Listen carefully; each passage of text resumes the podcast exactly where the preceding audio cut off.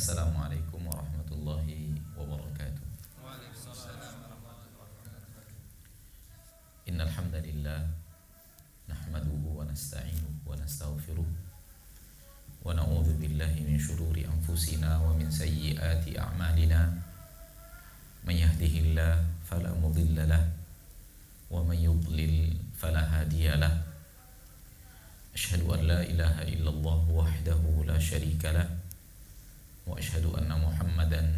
abduhu wa rasuluh. Sallallahu alaihi wa ala alihi wa ashabihi wa man tabi'ahum bi ihsanin ila yaumiddin wa sallama tasliman katsira amma ba'd. Alhamdulillah mari kita semua berusaha untuk senantiasa bersyukur kepada Allah tabaraka wa taala dan berusaha untuk mendidik diri kita menjadi hamba-hamba yang bersyukur. Karena Allah tabaraka wa taala mengatakan di dalam Al-Qur'an bahwa orang-orang yang bersyukur itu jumlahnya semakin menipis. Allah berfirman wa qalilun min ibadiy syakur. Dan sungguh sedikit hamba-hambaku yang bersyukur di dalam beberapa ayat lain Allah mengatakan qalilan ma tashkurun. Sangat sedikit kalian yang bersyukur. Umar Ibn Khattab radhiyallahu taala anhu wa ardahu kalau melalui ayat-ayat yang seperti ini, membaca ayat-ayat yang seperti ini, selalu berdoa kepada Allah dengan mengatakan Allahumma ja'alni minal qalil. Ya Allah, jadikan aku orang yang sedikit yang kau katakan tadi. Masukkan aku ke dalam yang sedikit yang tadi engkau katakan di dalam ayat. Jadikan aku orang yang sedikit itu. Dan tentunya harapan harus diiringi dengan usaha. Karena agama kita menyuruh kita untuk menyelaraskan antara harapan dan usaha menuju harapan itu maka ketika harapan kita menjadi orang-orang yang bersyukur, maka harus ada usaha menuju arah mendidik diri, mendidik hati untuk menjadi hamba-hamba yang bersyukur kepada Allah Subhanahu wa taala. Dan selalu ana sampaikan kepada saudara-saudari saya kaum muslimin dan muslimat bahwa kata kunci untuk menjadi hamba yang bersyukur adalah menjadi hamba yang pandai dan piawai melihat rahmat dan nikmat Allah yang Allah berikan kepada kita. Melihat rahmat dan nikmat anugerah Allah Subhanahu wa taala kepada kita. Kalau kita pandai melihat datangnya rahmat dan nikmat Allah yang besar, maka akan sangat mudah jalan menuju syukur itu. Dan kalau seandainya dibutakan oleh iblis dan bala tentaranya mata kita melihat rahmat dan, dan nikmat Allah yang besar maka sulit bagi kita untuk menjadi hamba-hamba Allah yang bersyukur kepada Allah Subhanahu wa taala. Salawat dan salam kepada Nabi kita tercinta, Rasul kita yang mulia, yang kita sepakati beliau adalah suri tauladan kita. Walaupun semua umat Islam masih menyepakatinya secara lisan bahwa Nabi Muhammad adalah suri tauladan kita. Dan hampir tidak ada umat Islam yang berani mengatakan bahwa Nabi Muhammad itu bukan suri tauladannya. Walaupun ada segelintir kecil namun tidak termasuk hitungan sebagian kaum muslimin yang kalimatnya hampir menuju itu. Ketika mereka mengatakan kami cukup bagi kami Al-Quran cukup bagi kami Al-Quran. Kalimat ini kalimat yang seolah-olah tidak mempedulikan Nabi kita Muhammad Sallallahu Alaihi Wasallam karena Al-Quran datangnya dari Allah dan hadis Nabi dari lisan Nabi kita Muhammad Sallallahu Alaihi Wasallam maka ketika mereka mengatakan cukup bagi kami Al-Quran ini ada sebuah kalimat yang menyepelekan meneladani Nabi kita Muhammad Sallallahu Alaihi Wasallam. Padahal kecintaan Allah tidak akan mungkin kita raih kalau bukan kita meneladani dan mengikuti Nabi kita Muhammad sallallahu alaihi wasallam. Bapak dan Ibu kaum muslimin dan muslimat Al-hadirin wal hadirat Rahimani wa rahimakumullah eh, Dalam pertemuan kali ini Kita ingin menyampaikan Tema yang Dipilihkan oleh panitia Bahwa Sudahkah kita mengambil bekal Untuk kehidupan kita di akhirat Dan apa yang akan Anda sampaikan berikut ini adalah sesuatu yang nasihat itu Anda sampaikan kepada diri sendiri terlebih dahulu sebelum Anda menyampaikannya kepada Bapak dan Ibu kaum muslimin dan muslimat. Karena siapa pun yang menasihati manusia untuk kebaikan, dia harus memulai nasihat itu kepada dirinya sebelum dia sampaikan kepada orang lain. Sebelum dia sampaikan kepada saudara-saudarinya kaum muslimin dan muslimat harus dia yang pertama kali untuk mendapatkan nasihat itu. Karena kalau yang dia ajak adalah kebaikan maka dia yang paling utama untuk membutuhkan kebaikan itu. Allah berfirman di dalam Al-Qur'an ta'muruna an-nasa bil birri wa tansawna anfusakum wa antum tatluna al-kitaba afala ta'qilun kalian akan mengajak manusia kepada kebaikan. Dan kalian lupakan diri kalian sendiri. Wa antum tatlunal kitab sementara kalian membaca kitab Allah katakan afala taqilun? Tidak berakalkah kalian? Maka nasihat-nasihat berikut ini poin-poin yang akan Anda sampaikan berikut ini nasihat untuk diri saya sendiri.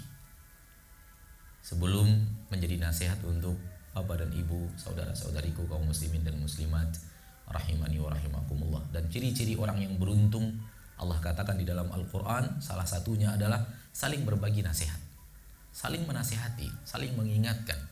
Allah berfirman wal asr innal insana lafi khus illa alladhina amanu wa amilu salihat wa tawasaw bil haq wa tawasaw bil sabr. Demi masa sesungguhnya semua manusia berada di dalam kerugian kecuali orang-orang yang keluar daripada kerugian alias beruntung orang yang memiliki empat sifat. Empat jalan yang dia tempuh. Iman ilaladina amanu amal saleh wa amilu salihat saling nasihat menasihati wa tawasau haq nasihat menasihati dalam rangka kebenaran menuju kebenaran wa tawasau bil nasihat menasihati untuk sabar. Sabar di atas apa? Sabar di atas yang tiga tadi sabar untuk ber, beriman sabar untuk beramal saleh dan sabar di atas jalan nasihat menasihati. Bapak dan Ibu yang dimuliakan Allah. Allah tabaraka wa taala menjadikan poin pertama Allah tabaraka wa taala menjadikan kita hidup dua kali dan wafat dua kali. Allah katakan itu di dalam Al-Qur'an surat Fatir ayat yang ke surat Ghafir ayat yang ke-11. Di dalam Al-Qur'an surat Ghafir ayat yang ke-11 Allah tabaraka wa taala menyampaikan qalu rabbana amattana thnatain wa ahyaitana thnatain fa'tarafna bidhunubina fahal ila khurujin min sabil. Mereka orang-orang kufar calon-calon penduduk neraka berkata di akhirat wahai Rabb kami engkau telah wafatkan kami dua kali dan engkau hidupkan kami dua kali fa'tarafna bidhunubina sekarang kami benar-benar mengakui kami benar-benar orang yang banyak dosa. Fahal ila khurujin min sabil? Adakah cara untuk keluar lagi ke dunia? Adakah jalan untuk kembali ke dunia? Dan jawabannya sudah pasti tidak tidak ada. Namun bahasan kita bukan itu. Bahasan kita adalah kita wafat dua kali dan kita hidup dua kali. Mana saja kehidupan Mana saja wafat yang dua dan mana saja hidup yang dua Allah terangkan di dalam surat Al-Baqarah ayat yang ke-28. Allah berfirman, "Kaifa takfuruna billah wa kuntum amwata fa ahyaakum thumma yumitukum thumma yuhyikum thumma ilaihi turja'un." Ini dia dua kematian dan dua kehidupan yang tadi Allah sebutkan dalam surat Ghafir. Kaifa takfuruna billah? Bagaimana mungkin kalian akan kufur kepada Allah? Bagaimana mungkin kalian ingkar kepada Allah? Wa kuntum amwata. Sebelum ini, sebelum hidup ini, kalian adalah orang-orang yang mayat. Orang-orang yang mati. Jadi kematian pertama adalah kematian sebelum kita hidup sekarang. Bukankah sebelum kita hidup ini kita tidak hidup? Jawabannya ya, itulah kematian pertama. Sebelum kita hidup sekarang, kita pernah melalui masa tidak hidup. Allah mengatakan wa kuntum amwata. Kalian sebelum ini adalah sesuatu orang yang tidak hidup. Kalian mayat, kalian tidak hidup. Fa ahyakum. Lalu Allah hidupkan kalian. Ini kehidupan yang pertama. Kehidupan yang mana yang pertama ini? Kehidupan yang sekarang kita rasakan. Ini kehidupan yang pertama. Yang tadi kematian yang pertama, yang ini kehidupan yang pertama. Thumma yumitukum. Kemudian Allah akan matikan kalian lagi. Kalian Allah akan wafatkan kalian lagi. Ini kematian yang kedua. Thumma yuhyikum. Kemudian Allah akan hidupkan kalian lagi. Ini kehidupan yang kedua. Jadi bermula dari kematian, Allah hidupkan dan ini kehidupan kita yang sekarang. Kemudian kita akan diwafatkan Allah dan ini diketahui oleh seluruh manusia, muslim atau tidak muslim, mukmin atau tidak mukmin meyakini adanya kematian pasca kehidupan. Thumma yuhyikum. Kemudian Allah akan hidupkan kalian lagi. Ini khusus untuk orang-orang yang beriman. Yang percaya bahwa dia akan dibangkitkan lagi pasca kematian. Thumma ilaihi turja'un. Setelah kehidupan yang kedua kalian akan dikembalikan kepada Allah. Karena ulama mengatakan ayat ini menyatakan bahwa kehidupan dalam kehidupan yang kedua tidak ada lagi kematian setelahnya. Karena Allah tidak bicara lagi kematian setelah Allah bicara kehidupan yang kedua. Kalian sebelumnya mayat. Kalian sebelumnya orang-orang yang wafat, tidak hidup. Allah hidupkan kalian. Kemudian Allah akan matikan kalian. Kemudian Allah akan hidupkan kalian dan pada Allah kalian akan dikembalikan. Lihat, setelah kehidupan yang kedua, manusia tidak akan diwafatkan lagi oleh Allah tabaraka wa taala Rabbul Izzati wal Jalal, maka di dalam ayat ini Allah bicara kehidupan akhirat, kehidupan yang abadi. Karena setelah kehidupan yang kedua tidak ada lagi kehidupan. Artinya kehidupan yang selama-lamanya. Jadi kita melalui dua proses kematian, dua proses kehidupan, akan tetapi karena waktu azan sudah masuk, kita lanjutkan insya Allah setelah salat zuhur berjamaah. Wa sallallahu wasallam wa baraka wa an'am ala abdihi wa rasulihi Muhammad. Wa bihi nasta'in ala umuri dunya wad din. Asyhadu an la ilaha illallah wahdahu la syarika anna muhammadan abduhu wa rasuluhu la nabiyya ba'da amma ba'd setelah tadi kita sampaikan bahwa Allah tabaraka taala memberikan kepada kita dua kehidupan. Kehidupan yang pertama, kehidupan yang sedang kita rasakan sekarang. Dan kehidupan yang kedua adalah kehidupan pasca kematian. Dan kita wajib mengimani bahwa kita akan dibangkitkan dan akan dihidupkan kembali setelah kematian. Dan tadi sudah kita sampaikan juga setelah Allah berbicara kehidupan yang kedua, Allah tidak lagi berbicara kematian Berarti setelah kehidupan yang kedua tidak ada kematian. Dia adalah kehidupan yang abadi. Allah berfirman, "Wa inna ad-daral akhirata lahyal hayawan law kanu ya'lamun." Sesungguhnya kehidupan akhirat dialah yang sebenar-benarnya kehidupan. Karena dia kehidupan yang abadi. Kehidupan yang kekal untuk selama-lamanya. Bapak dan Ibu kaum muslimin dan muslimat, di poin yang ketiga kita mengatakan bahwa kehidupan kita yang sekarang ini kehidupan yang sangatlah singkat dibandingkan kehidupan yang kedua. Kehidupan yang sekarang sedang kita jalani ini, ini kehidupan yang sangat teramat singkat. Dibanding kehidupan yang kedua nanti, karena dia adalah kehidupan yang abadi. Bagaimana mungkin 60 tahun, 70 tahun, 80 tahun usia kita bisa dibandingkan dengan kehidupan yang nanti akan pasti akan kita lalui, kehidupan yang tanpa batas waktu. Kalau masih ada batas waktunya itu belum abadi. Kalau usia kita nanti di akhirat, kalau usia nanti kita di akhirat adalah miliaran tahun itu belum abadi. Dan miliaran tahun untuk keabadian tetap saja sedikit. Apalagi usia kita yang yang ada di permukaan bumi sekarang ini yang hanya 60 tahun, 70 tahun. Nabi SAW mengatakan, A'maru ummati ma baina sitina ila sab'in wa aqalluhum man yajuzu dhalik. umur umatku rata-rata antara 60 sampai sampai 70 tahun. Dan sangat sedikit di antara mereka yang melewati angka itu. Jadi umur umat Nabi Muhammad antara 60 dan dan 70. Oleh karena itu, yang kita usianya sekarang itu sudah mendekati 60, itu sudah lampu kuning. Sudah harus benar-benar bersiap-siap karena sudah memasuki memasuki masa yang Nabi mengatakan ini saat-saatnya untuk bertemu dengan kematian.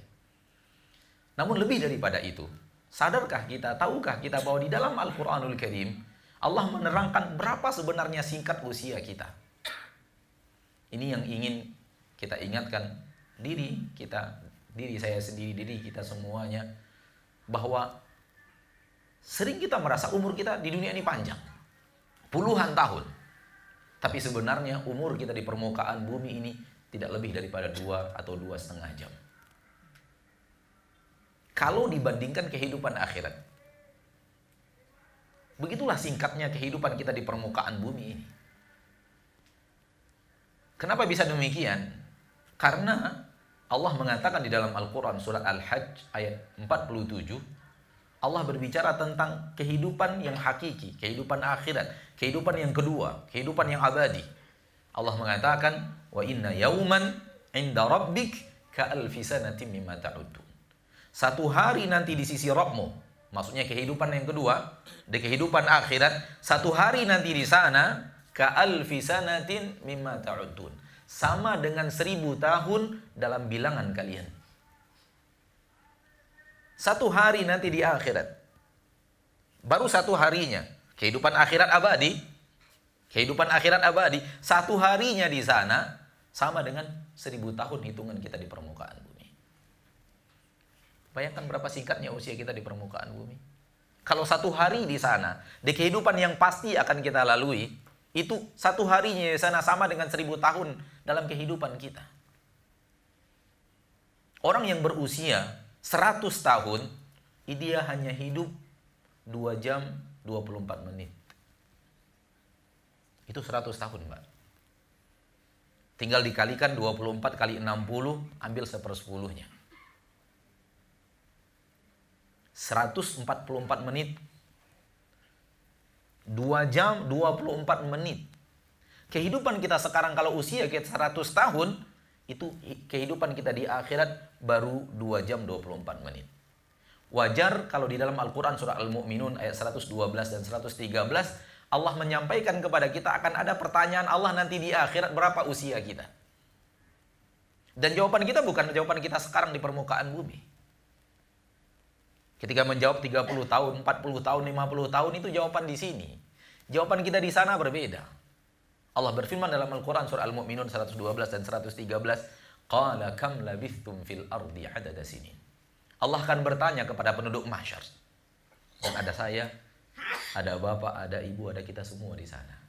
Kam labithtum fil ardi adada sini. Berapa tahun kalian tinggal di dunia? Pertanyaan yang sama, ketika kita ditanya di permukaan bumi, berapa tahun usia kita di permukaan bumi? Pertanyaan yang sama Allah akan tanyakan di akhirat. Kam labithtum fil ardi adada sini. Berapa tahun kalian tinggal di dunia? Pertanyaan Allah berapa tahun? Dan Allah menyampaikan kepada kita apa jawaban penduduk mahsyar. Qalu penduduk mahsyar menjawab labithna yauman au ba'da yaumin fas'alil had kami hidup di, di dunia ya Allah hanya satu hari. Dan sebahagian penduduk masyarakat menjawab sebahagian hari. Maksud sebahagian hari adalah tak cukup satu hari. Tak sampai satu hari. Sebahagiannya saja. Ini satu hari, kita hanya sebahagiannya saja. Fas'alil adin. Tanyalah kepada orang-orang yang pandai menghitung. Kenapa berbeda jawaban kita sekarang dengan jawaban kita nanti di akhirat? Karena kita sudah bertemu hari yang sebenarnya. Hari yang hakiki. Hari yang Allah katakan dalam surat Al-Hajj ayat 40 tadi, ayat 47 tadi. Bahwa satu hari di sana nanti yang akan pasti akan kita lalui sama dengan seribu tahun dalam hitungan kita di permukaan bumi. Ketika kita telah bertemu hari yang sebenarnya, hari yang abadi, hari yang hakiki, bukan hari yang semu, kita sadar berapa usia kita di permukaan bumi. Maka jawaban penduduk masyarakat dua. Yauman, satu hari Kenapa mereka menjawab satu hari? Karena usia mereka, usia mereka memang seribu tahun. Makanya mereka menjawab satu hari. Karena generasi umat manusia pertama, Nabi Adam, anak-anak keturunan Nabi Adam, sampai kepada Nabi Nuh ada sekitar 100 tahun lebih. Ada sekitar 1000 tahun lebih generasi-generasi umat Nabi Adam sampai Nabi Nuh alaihissalam, mereka berusia 1000 tahun. Mereka berusia 1000 tahun. Nabi Nuh alaihissalam Allah katakan di dalam Al-Qur'an, "Falabitha fi qaumihi alfa sanatin ila khamsina ama." Nabi Nuh bersama kaumnya 1000 tahun kurang 50. 950 tahun. Dan itu pun ulama ahli tafsir berbeda pendapat. Apakah 950 tahun usia Nabi Nuh? Atau 950 tahun itu dakwahnya Nabi Nuh? Artinya usia beliau lebih daripada 950. Dakwahnya 950 tahun. Dan pendapat yang paling kuat itu adalah dakwahnya Nabi Nuh. Karena Allah mengatakan falabitha fi qaumihi.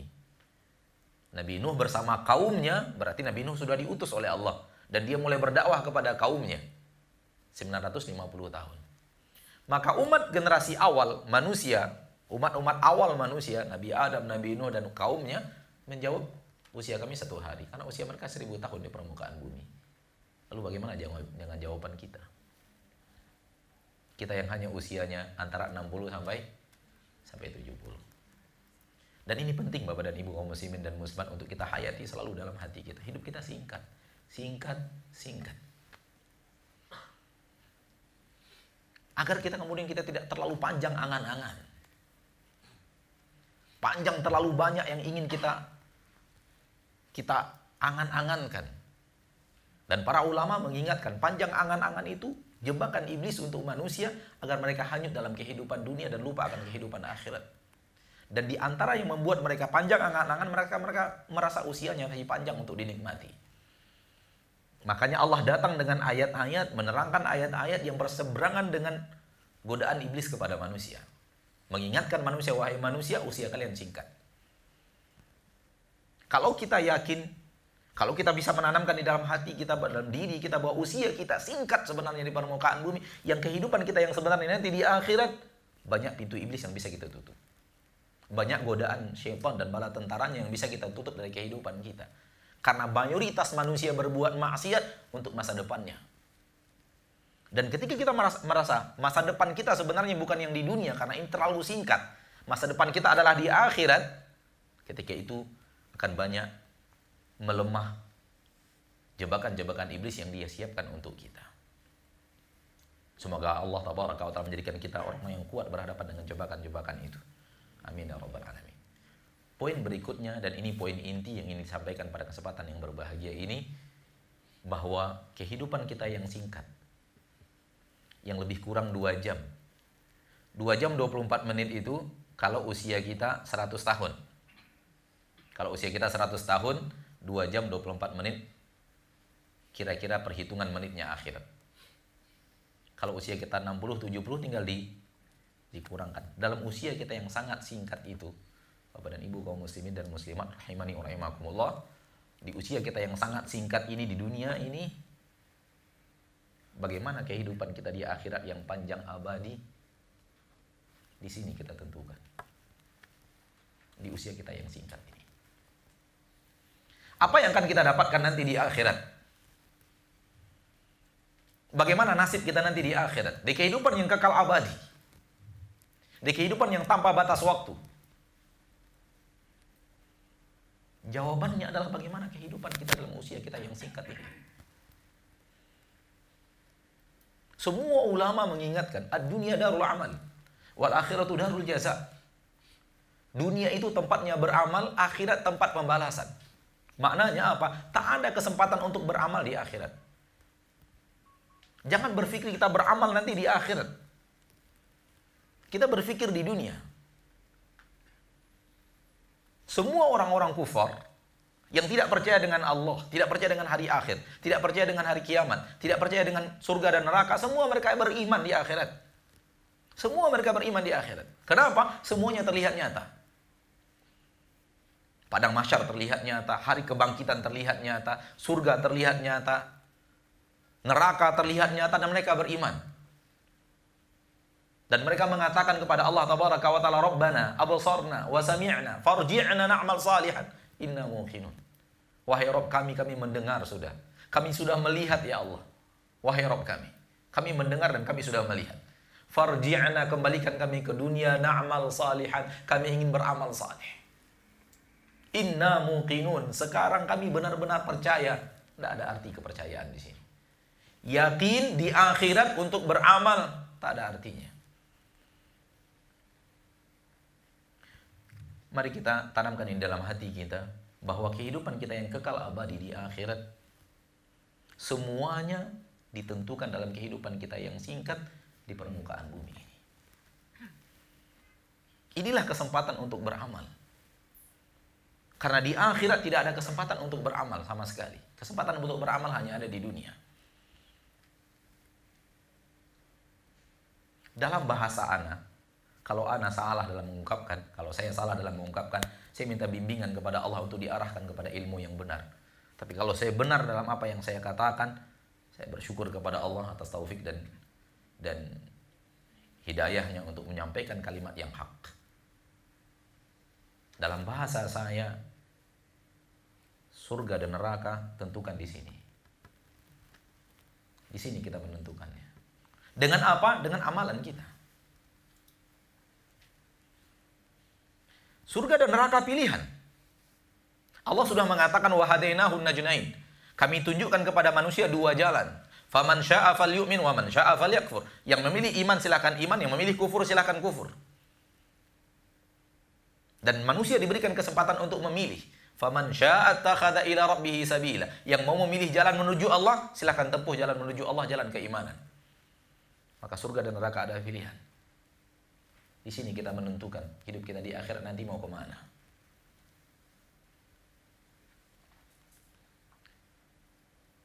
Orang-orang yang mau ke neraka akan memilih jalan ke neraka. Walaupun lisannya mengatakan dia mau ke surga.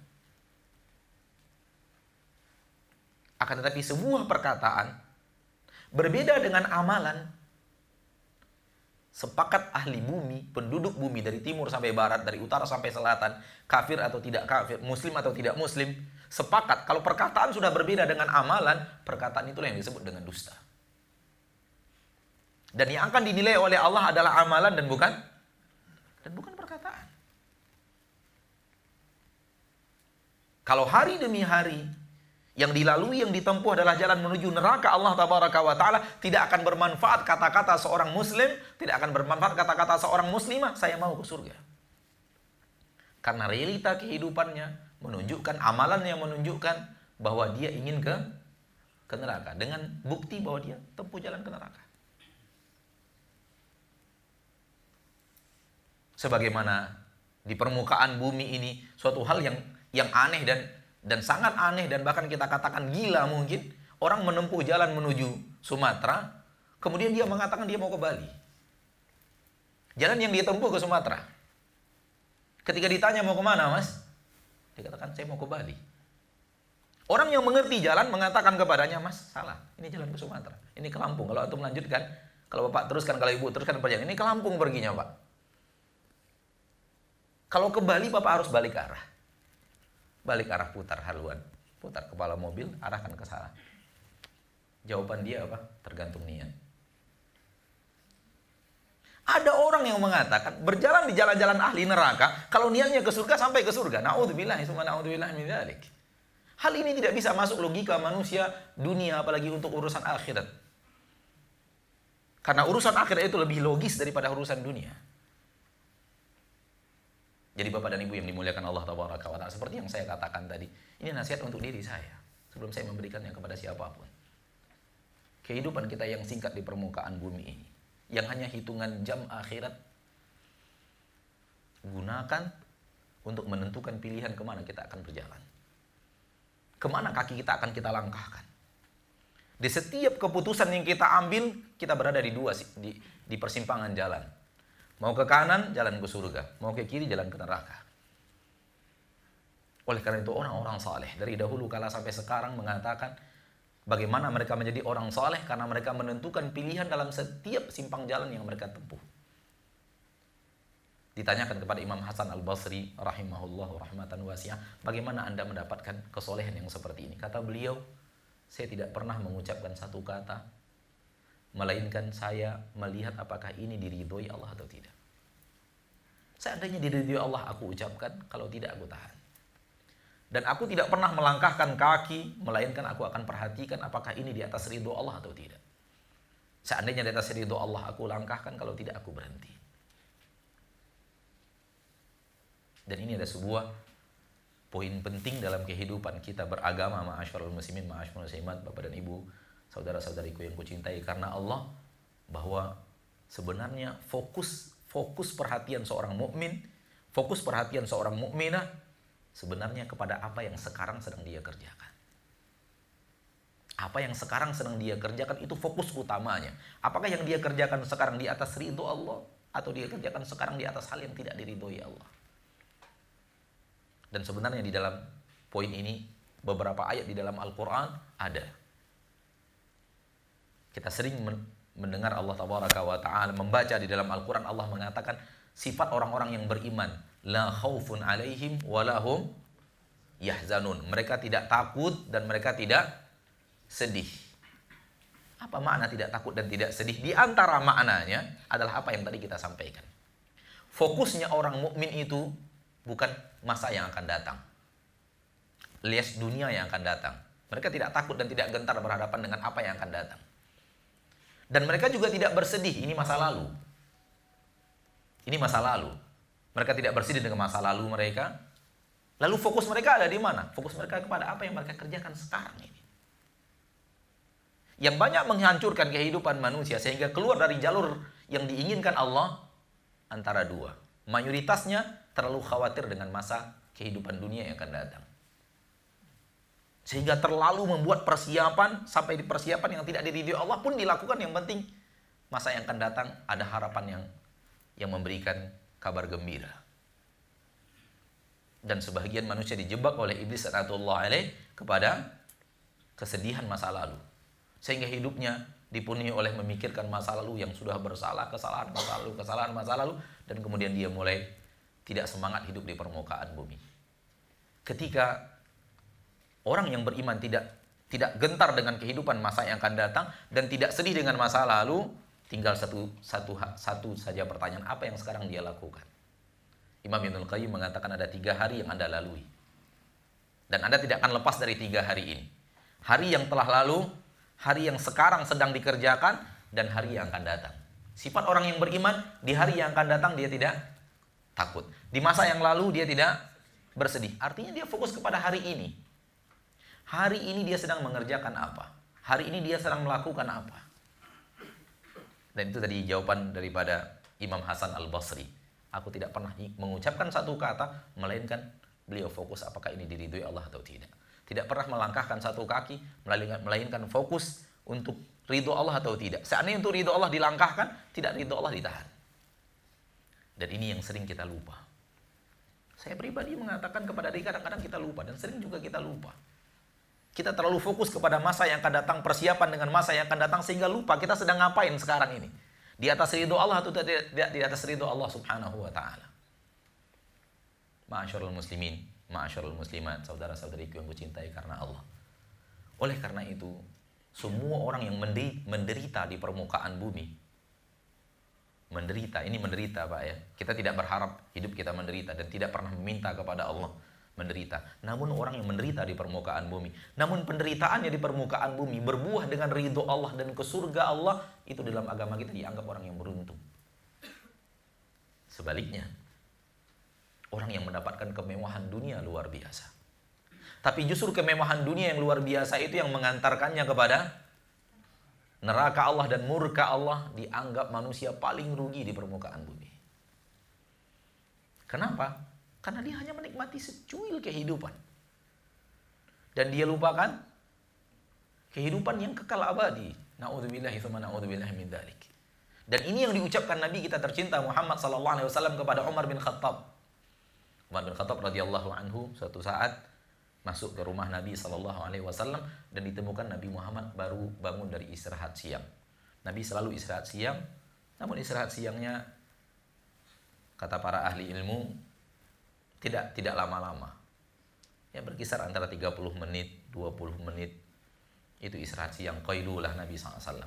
Ketika itu Nabi SAW istirahat siang ber, berbekas di wajahnya, di sebahagian badannya kasarnya tikar yang dipakai oleh Nabi Shallallahu Alaihi Wasallam untuk istirahat. Ketika itu Umar menangis radhiyallahu taala anhu wa dan mengatakan ya Rasulullah, kenapa engkau tidak nikmati sedikit dunia sementara penguasa Persia dan Romawi berada dalam kehidupan yang luar biasa mewahnya.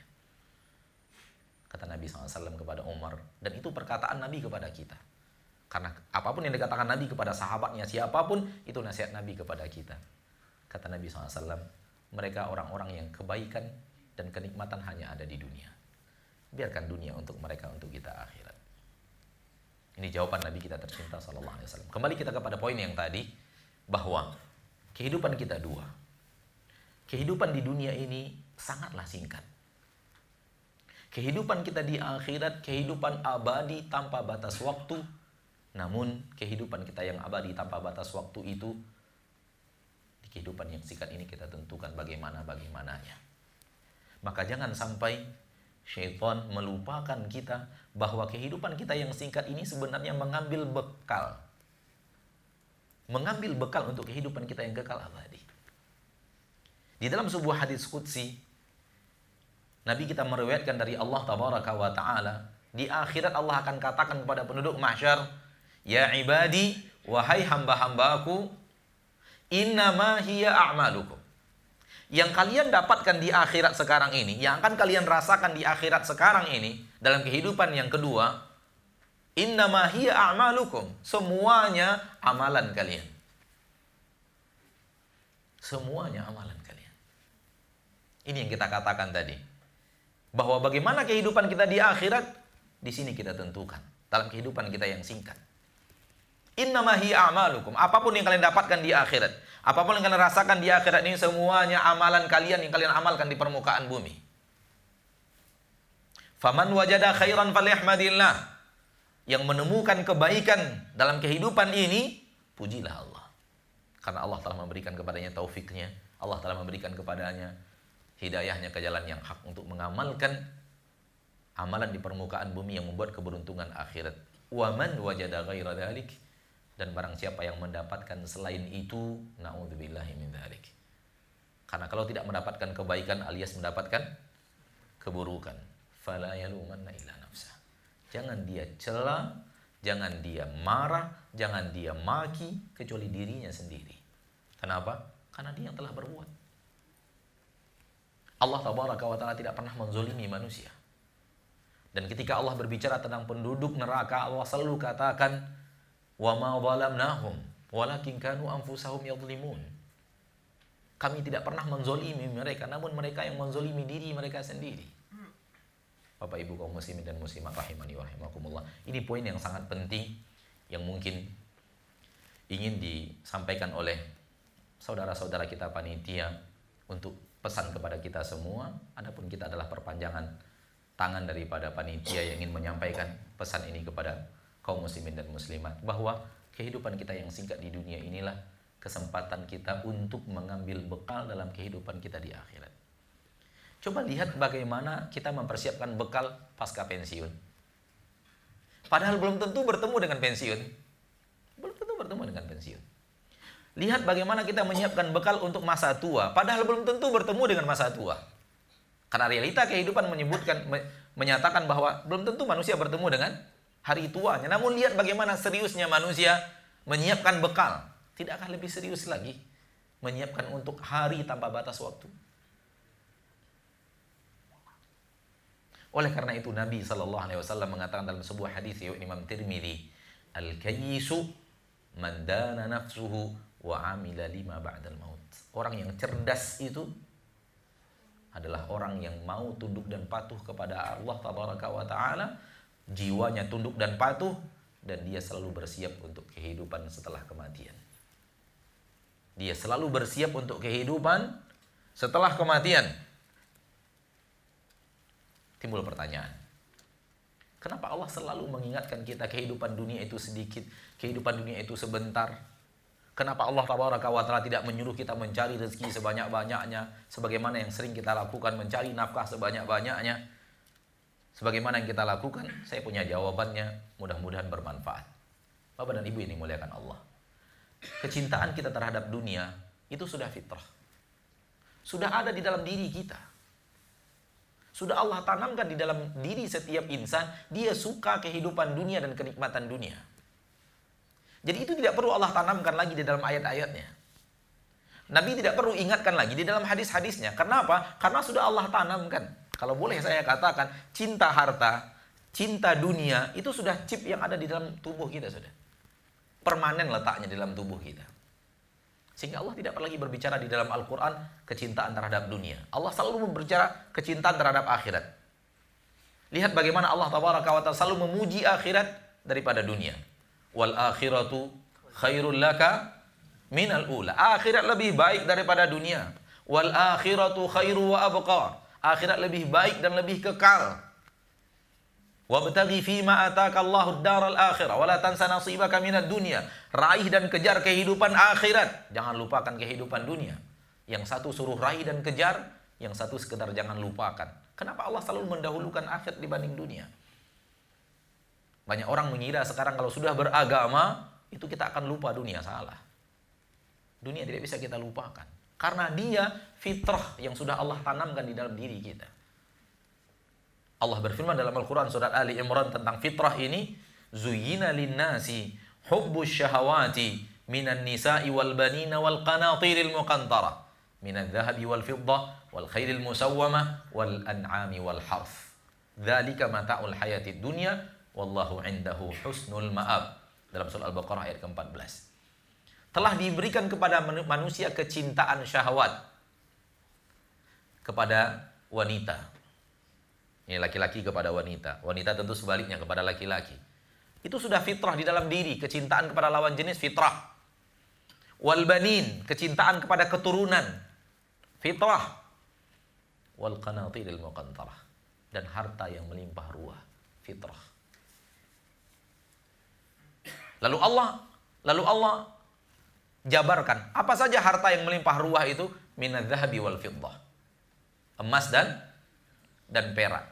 Jadi mencintai emas dan perak fitrah yang sudah Allah tanamkan di dalam diri kita nggak akan bisa kita lupakan karena dia chip yang tertanam, sifat permanen dalam kehidupan kita. Dan apa pun yang menggantikan posisi emas dan perak. Sekarang emas dan perak tidak lagi sebagai sebagai alat alat takar dan alat jual beli, alat barter. Dulu seperti itu di zaman Nabi kita tercinta sama-sama ada uang emas dan uang perak. Sekarang sudah digantikan dengan dengan uang kertas, ya, rupiah di kita, ringgit di Malaysia, rial di Saudi, dirham di Dubai, dinar kalau di Kuwait, tapi dinar tetap saja uang kertas, gitu ya. Dolar di Amerika dan seterusnya. Ini menggantikan posisi emas dan perak. Artinya cinta dolar, cinta rial, cinta rupiah itu fitrah. Tak akan bisa hilang. Sekhusyuk apa pun orang sholat, Pak. Sekhusyuk apa pun dia sholat nangis kemudian ditanya, Mas, ada dua amplop, satunya 5 juta, satu 50 juta, pilih mana? Langsung jawab 50 juta. Nggak bisa. Fitrah di dalam diri. Jadi jangan khawatir. Bahwa kalau Allah menyuruh kita untuk selalu ingat akhirat, selalu perhatian akhirat, selalu utamakan akhirat, jangan pernah kita menganggap bahwa Allah menyuruh kita melupakan dunia. Tak ada satu ayat pun di dalam Al-Quran Allah menyuruh kita melupakan dunia. Akan tetapi, kalau tidak diingatkan akhirat, kalau kurang mengingat akhirat, kurang tausiah menuju akhirat, kurang orang-orang yang membicarakan akhirat, kurang pembicaraan kita terhadap akhirat, pasti akhirat itu kalah oleh dunia. Yang dia adalah fitrah. Bayangkan kalau kita fitrah tidak di, dibekali lagi dengan nasihat-nasihat yang banyak dari Allah, nasihat-nasihat yang banyak dari Rasulullah SAW untuk mendahulukan akhirat. Oleh karena itu kenapa orang yang yang yang yang sifatnya lebih banyak mendahulukan akhirat dibanding dunia itu orang yang sampai kepada titik itu setelah perjuangan panjang jelas Bagaimana dia bisa mengalahkan sifat permanen yang ada di dalam dirinya digantikan dengan sifat yang tidak permanen yang dia ambil dari ayat-ayat Allah, dia ambil dari hadis-hadis Rasulullah sallallahu alaihi wasallam. Menggantikan sifat permanen dengan sifat yang tidak permanen pekerjaan berat. Bapak Ibu kaum muslimin dan muslimat rahimani wa rahimakumullah. Maka jangan pernah khawatir kalau kehidupan kita di dunia ini selalu kita ingat bahwa ini bekal akhirat, bekal untuk akhirat, bekal untuk akhirat, itu artinya kita campakkan dunia enggak. Dunia itu adalah sesuatu yang sudah fitrah Allah tanamkan di dalam diri kita. Sehingga akhirnya seimbang. Fitrah Allah tanamkan mencintai dunia, Allah selalu ingatkan akhirat, selalu ingatkan akhirat. Maka kalau kita sudah sering lupa melupakan pembicaraan akhirat, dunia pasti akan lebih dominan. Dan ini kalau terjadi, Allah katakan bal tu'thirunal hayatan dunia karena lebih mendahulukan kehidupan dunia. Dan itu indikasi kehancuran. Kalau dunia lo sudah lebih didahulukan daripada akhirat. Bapak dan Ibu kaum muslimin dan muslimat, saudara-saudariku yang gue cintai karena Allah Subhanahu wa taala. Jadi qanatiril muqantarah Allah jadikan satu harta, emas dan perak dan apa pun yang menggantikan posisi emas, emas dan perak. Yang kedua, Allah katakan wal wal wal khairil musawwama. Kuda-kuda tunggangan pilihan ini adalah kendaraan-kendaraan mewah. Karena kuda pilihan di zaman ayat ini diturunkan tunggangan berharga, tunggangan tunggangan mewah, kendaraan mewah. Apa pun yang menggantikannya di zaman kita sekarang. Oleh karena itu kalau kita lebih cinta kepada Alphard dibanding Innova itu fitrah. Kita ingin punya mobil Harrier dibanding apa? Avanza itu fitrah, tidak ada masalah. Tidak ada masalah. Memang Kecintaan itu sudah Allah tanamkan di dalam diri. Sama dengan dulu menunggangi kuda dengan menunggangi keledai berbeda. Menunggangi keledai dengan menunggangi uh, unta berbeda. Ya. Jadi itu fitrah yang sudah Allah tanamkan, gak ada masalah. Lalu apalagi Allah katakan, Allah katakan wal an'am, peternakan. Lagi-lagi harta. Wal harf, pertanian, perkebunan.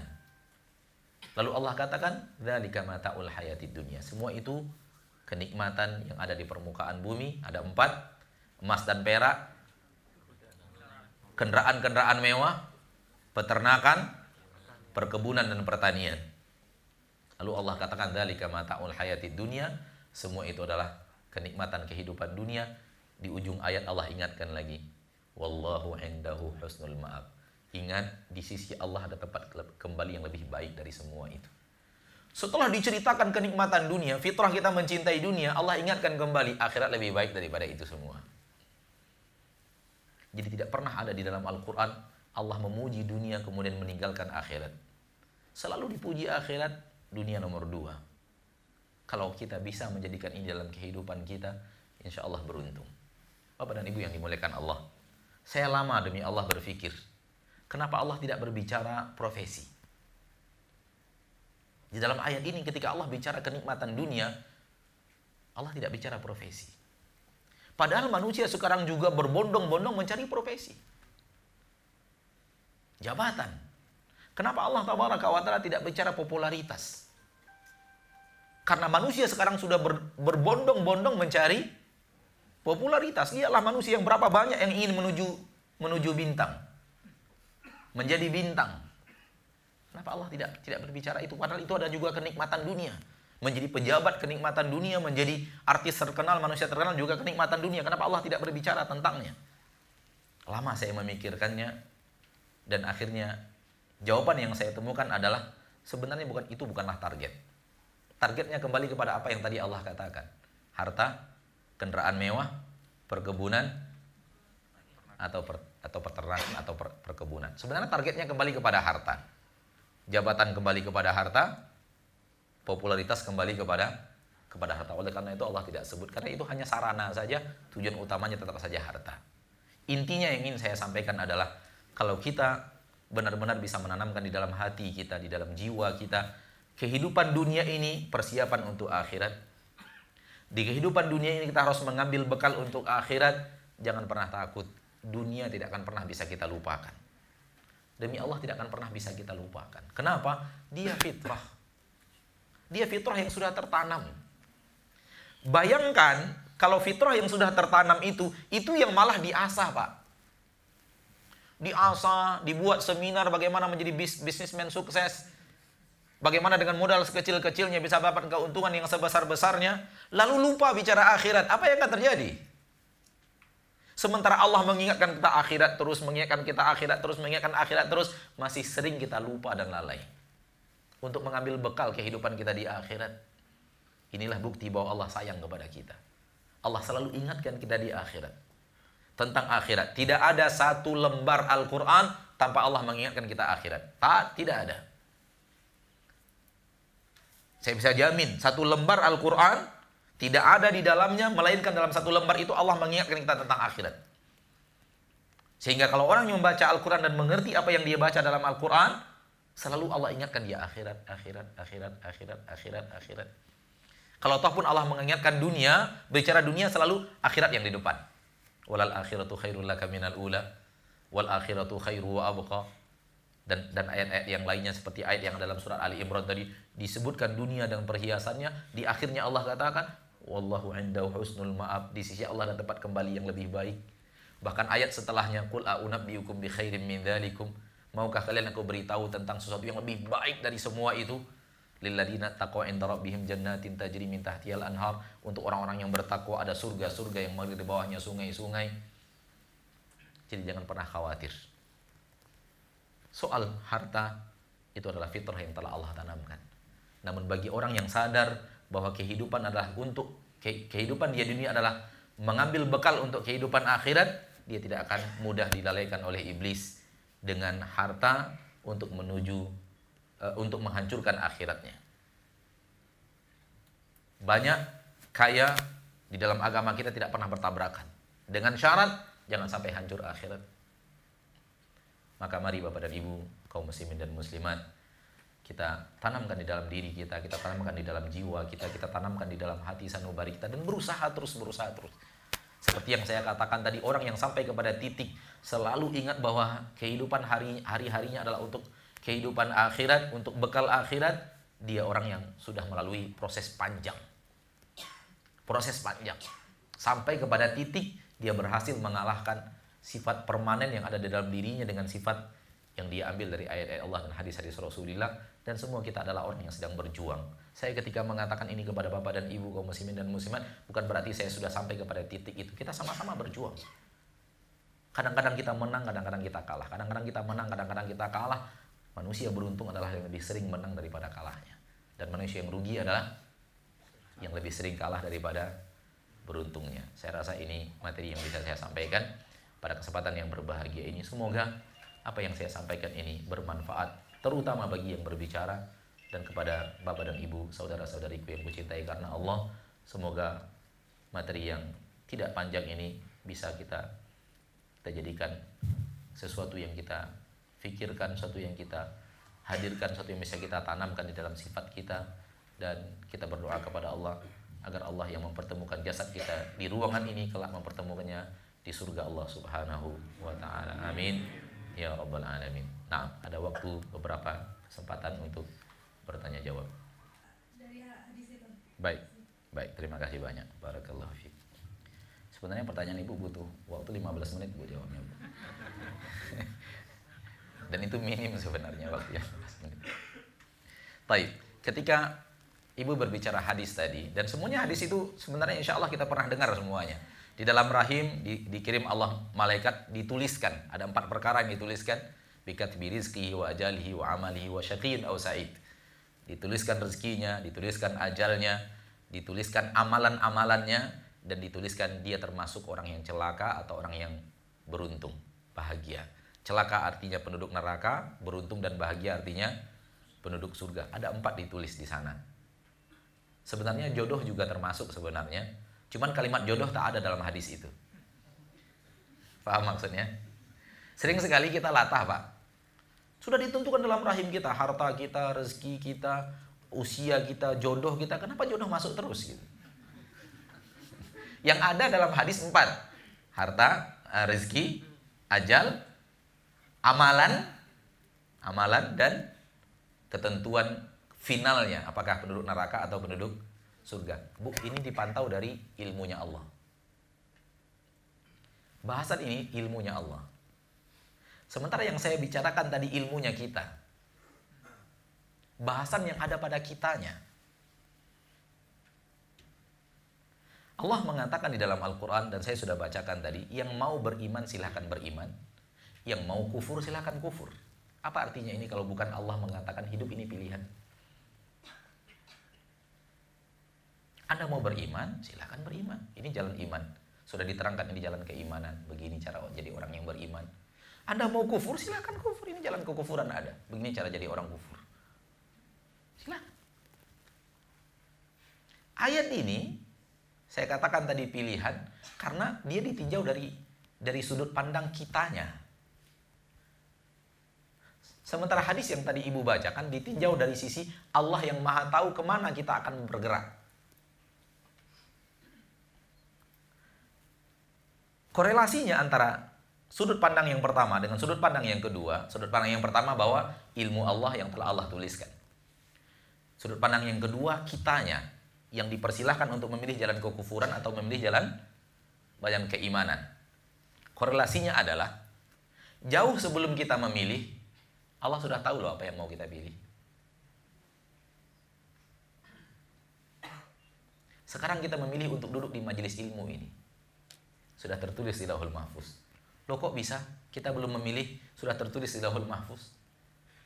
Karena Allah tahu kita mau memilih apa. Kan hadir di majelis ini kan tidak tidak tidak dipaksakan, Pak. Kalau ada di antara kita yang absen lalu pergi makan siang, cari makan, cari KFC di bawah dan semacamnya kan bisa kan? Bisa. Tapi kenapa kita pilih hadir? Karena pilihan kita mau hadir mau hadir ingin dengar kajian, ingin duduk di majelis ilmu, ingin duduk di, di, di majelis yang Nabi mengatakan rautun riyadil jannah, taman daripada taman-tamannya surga. Kita mau duduk di sana, pilihan kita. Namun jauh sebelum kita memilih, sebelum kita lahir bahkan Allah sudah tahu apa yang akan kita pilih. Dan Allah sudah catatkan itu. Satu, di lauhul mahfuz. 50 ribu tahun sebelum Allah menciptakan langit dan bumi sudah Allah tulis. Termasuk apa yang akan kita pilih hari ini. Termasuk hari ini kita memilih baju warna apa, Allah sudah tahu loh. Allah sudah tahu, kita pilih baju warna apa. Ini baju warna merah, ini baju warna kuning itu. Allah sudah tahu dan itu Allah tulis. Yang kedua Allah tuliskan di dalam rahim ibu kita sebelum kita lahir. Ketika usia kita 120 hari dalam bentuk janin. Allah kirim malaikat dan Allah tuliskan. Ini korelasi antara keduanya, yang satu pilihan kita dari sudut pandang kita, yang satu ketentuan uh, tulisan dari Allah yang sudah Allah ketahui apa yang akan kita pilih. Pada dasarnya kita akan memilih. Karena tak pernah dalam hidup kita ini kita dipaksa Allah berbuat maksiat. Dan tak pernah dalam hidup ini kita dipaksa Allah menjadi orang yang taat. Orang yang taat karena dia ingin jadi orang taat Orang yang berbuat maksiat karena dia ingin jadi orang yang buat maksiat. Bukan pilihan Allah atas dirinya. Dia yang memilih. Namun ketika dia memilih sekarang, jauh sebelumnya Allah sudah tahu. Kenapa? Innallaha bikulli syai'in alim. Sesungguhnya Allah maha tahu segala-galanya. Tak ada yang Allah tidak tahu. Sesuatu yang telah terjadi, semua Allah tahu. Sesuatu yang sedang terjadi, Allah tahu. Semua yang akan terjadi, semua Allah tahu. Sampai Allah menceritakan kepada kita di dalam Al-Quran apa jawaban iblis nanti di akhirat ketika manusia dan jin yang dia sesatkan minta pertanggungjawaban iblis. Allah sudah katakan dalam kita dalam, kepada kita di dalam Al-Quran jawaban iblis nanti seperti apa kepada kita. Maaf bukan kepada kita, salah kalimat. Kepada orang-orang yang menuntutnya. Mudah-mudahan kita tidak masuk di dalam. Mohon maaf, karena terlalu semangat kalian. Kepada orang yang menuntutnya, mudah-mudahan kita tidak masuk di sana manusia dan jin yang disesatkan oleh iblis dan menjadi penduduk neraka minta pertanggungjawaban kepada iblis. Dan Allah sudah sampaikan kepada kita kalimat iblis dengannya iblis menjawab. Kan belum diucapkan iblis, kenapa sudah Allah ceritakan? Jawabannya karena Allah Maha Maha tahu, tahu seluruh yang akan terjadi. Tak ada yang tersembunyi dari ilmu Allah Subhanahu wa taala. Jadi sebelum kita memilih Allah sudah tahu. Pilihan kita yang mana saja. Yang setiap malam pilihannya tahajud, Allah tahu dia memilih tahajud dan Allah berikan penilaian di akhir penduduk surga. Sebaliknya yang setiap malam pilih dugem Allah sudah tahu apa yang akan dia pilih. Dan Allah sudah buat finalnya. Nilai akhirnya adalah adalah ini akan berjalan seperti yang Allah katakan. Intinya, jangan anggap tulisan itu paksaan Allah terhadap kita. Allah tidak pernah memaksa kita. Liman sya'a minkum an yastaqim. Siapa yang mau silahkan istiqomah. Kembali istiqomah tergantung kemauan. Siapa yang mau silahkan istiqomah. Artinya apa? Yang tidak mau istiqomah silahkan tidak istiqomah. Yang mau taat silahkan taat. Yang tidak mau taat silahkan tidak taat. Wa ma tasha'una illa ayyasha Allahu rabbul alamin. Namun tidak ada yang kalian mau melainkan tergantung kepada Allah yang mau apa. Oleh karena itu ada ketaatan kita yang kita ingin kadang-kadang tidak terjadi karena Allah belum mau itu terjadi. Ada kemaksiatan kita yang kita inginkan terjadi namun tidak terjadi karena Allah belum ingin itu terjadi. Keputusannya tetap di tangan Allah, di sisi Allah, namun pilihannya berawal dari manusia. Seluruh manusia yang soleh karena dia memilih kesolehan. Dia punya kemampuan untuk jadi orang bejat namun dia tidak mau. Dan semua orang yang bejat karena dia memilih kebejatan, sebenarnya dia punya kemampuan jadi orang soleh namun dia tidak mau. Dan Allah telah menentukan hasil akhirnya nanti pilihan-pilihan ini nilai hasilnya seperti apa. Maka tertulislah di lahul mahfuz dan tertulislah di rahim seorang ibu. Ketika kita sedang di rahim ibu kita apakah kita penduduk surga atau penduduk neraka? Namun ingat itu ilmunya Allah bukan ilmunya kita. Ilmunya kita adalah di depan kita persimpangan jalan. Satu jalan ketaatan satu jalan kemaksiatan. Satu jalan menuju ridho Allah satu jalan menuju neraka Allah hari demi hari kita berhadapan dengan hal seperti itu hendaklah kita selalu memilih jalan kanan jalan menuju surga dan jalan menuju ridho Allah Subhanahu wa taala. Seperti yang tadi kita katakan, kalau ada orang mengambil jalan kiri, jalan maksiat, dia ingin ke surga itu salah jalan. Dan tidak logis. Wallahu a'lam bishawab. Mudah-mudahan jawaban saya bisa Bu ya. Bisa difahami alhamdulillah. Satu lagi pertanyaan. Waalaikumsalam warahmatullahi wabarakatuh. Iya. Hmm. Apakah ada tips-tips dari Pak Ustadz misalnya untuk kita menilai diri kita sendiri itu benar nggak sih udah cukupkah? Jadi setiap hari udah cukupkah gitu? Baik. kadang-kadang kan kita berpikir, oh aku udah sholat kok, gitu. Iya. aku sudah sedekah hari ini. Iya. Tapi kan tetap aja cukup nggak ya, gitu kan? Iya iya. Jadi gimana kira-kira yang bisa membuat kita ini berpikir mungkin uh, untuk ini ini karena karena judulnya panti yang buat bu. memang ada ada sesuatu di di judul. Saya juga melihatnya. Namun karena itu sudah diusulkan panitia, kita okekan saja. Ya, sebenarnya intinya adalah kita cari bekal loh hidup di permukaan bumi ini. Soal sudah cukup atau tidak, seluruh orang soleh merasa belum cukup. Seluruh orang soleh merasa belum cukup. Biografi orang soleh kita buka, mulai dari Imam Syafi'i, setelahnya, sebelumnya, itu mereka mereka merasa selalu gak cukup karena apa yang mereka amalkan, rasanya untuk kehidupan yang kekal abadi belum cukup rasanya. Sehingga Abdullah bin Mas'ud, sahabat Nabi yang mulia, Abdullah bin Mas'ud mengatakan kepada murid-muridnya, kalian kalau ingin mencari suri tauladan dari sahabat-sahabat Nabi, carilah suri tauladan dari sahabat Nabi yang sudah meninggal. Adapun kami yang masih hidup ini, belum aman dari godaan dan fitnah. Lihat bagaimana mereka tidak pernah merasa diri mereka sudah sudah aman dan cukup. Abu Hurairah radhiyallahu taala anhu wa ardahu. Dan siapa yang tidak tahu Abu Hurairah?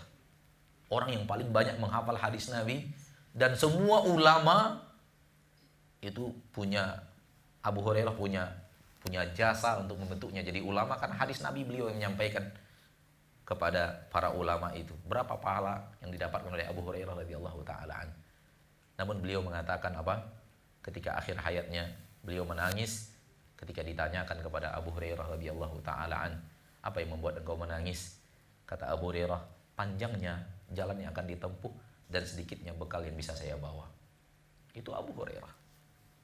Maka para ulama selalu mengingatkan kita sifat orang mukmin selalu merasa amal solehnya masih sedikit dan selalu merasa dosanya sangat banyak. Kenapa? Kalau yang Sebaliknya terjadi, pintu syaitan terbuka luas.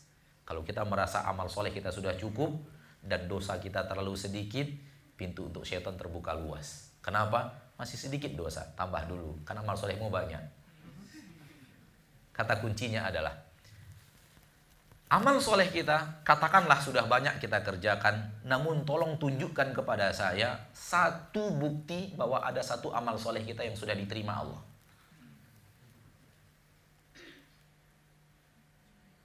Apa jaminannya?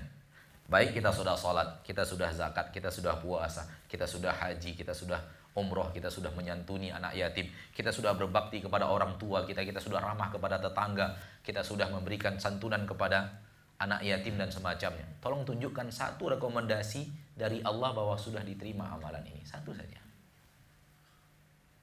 Kalau belum ada kepastian diterima, dari mana kita merasa diri kita orang saleh?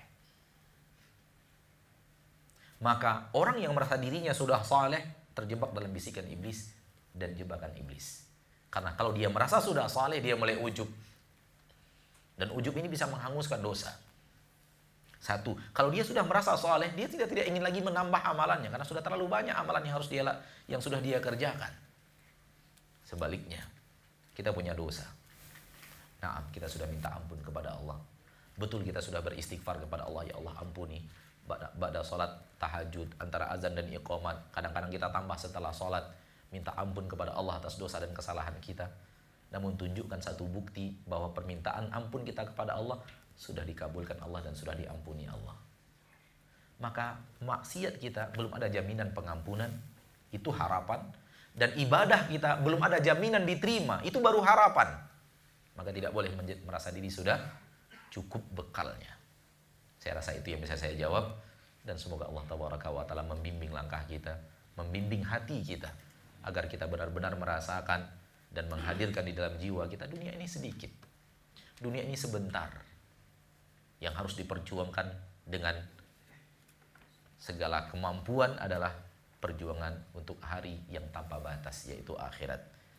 Bagaimanapun kita berusaha mendidik diri untuk perjuangan masa yang akan datang, akhirat tetap saja kecintaan kepada dunia tidak bisa hilang, akan tetapi dia bisa membentengi kita untuk tidak mengambil dunia yang akan menghancurkan akhirat.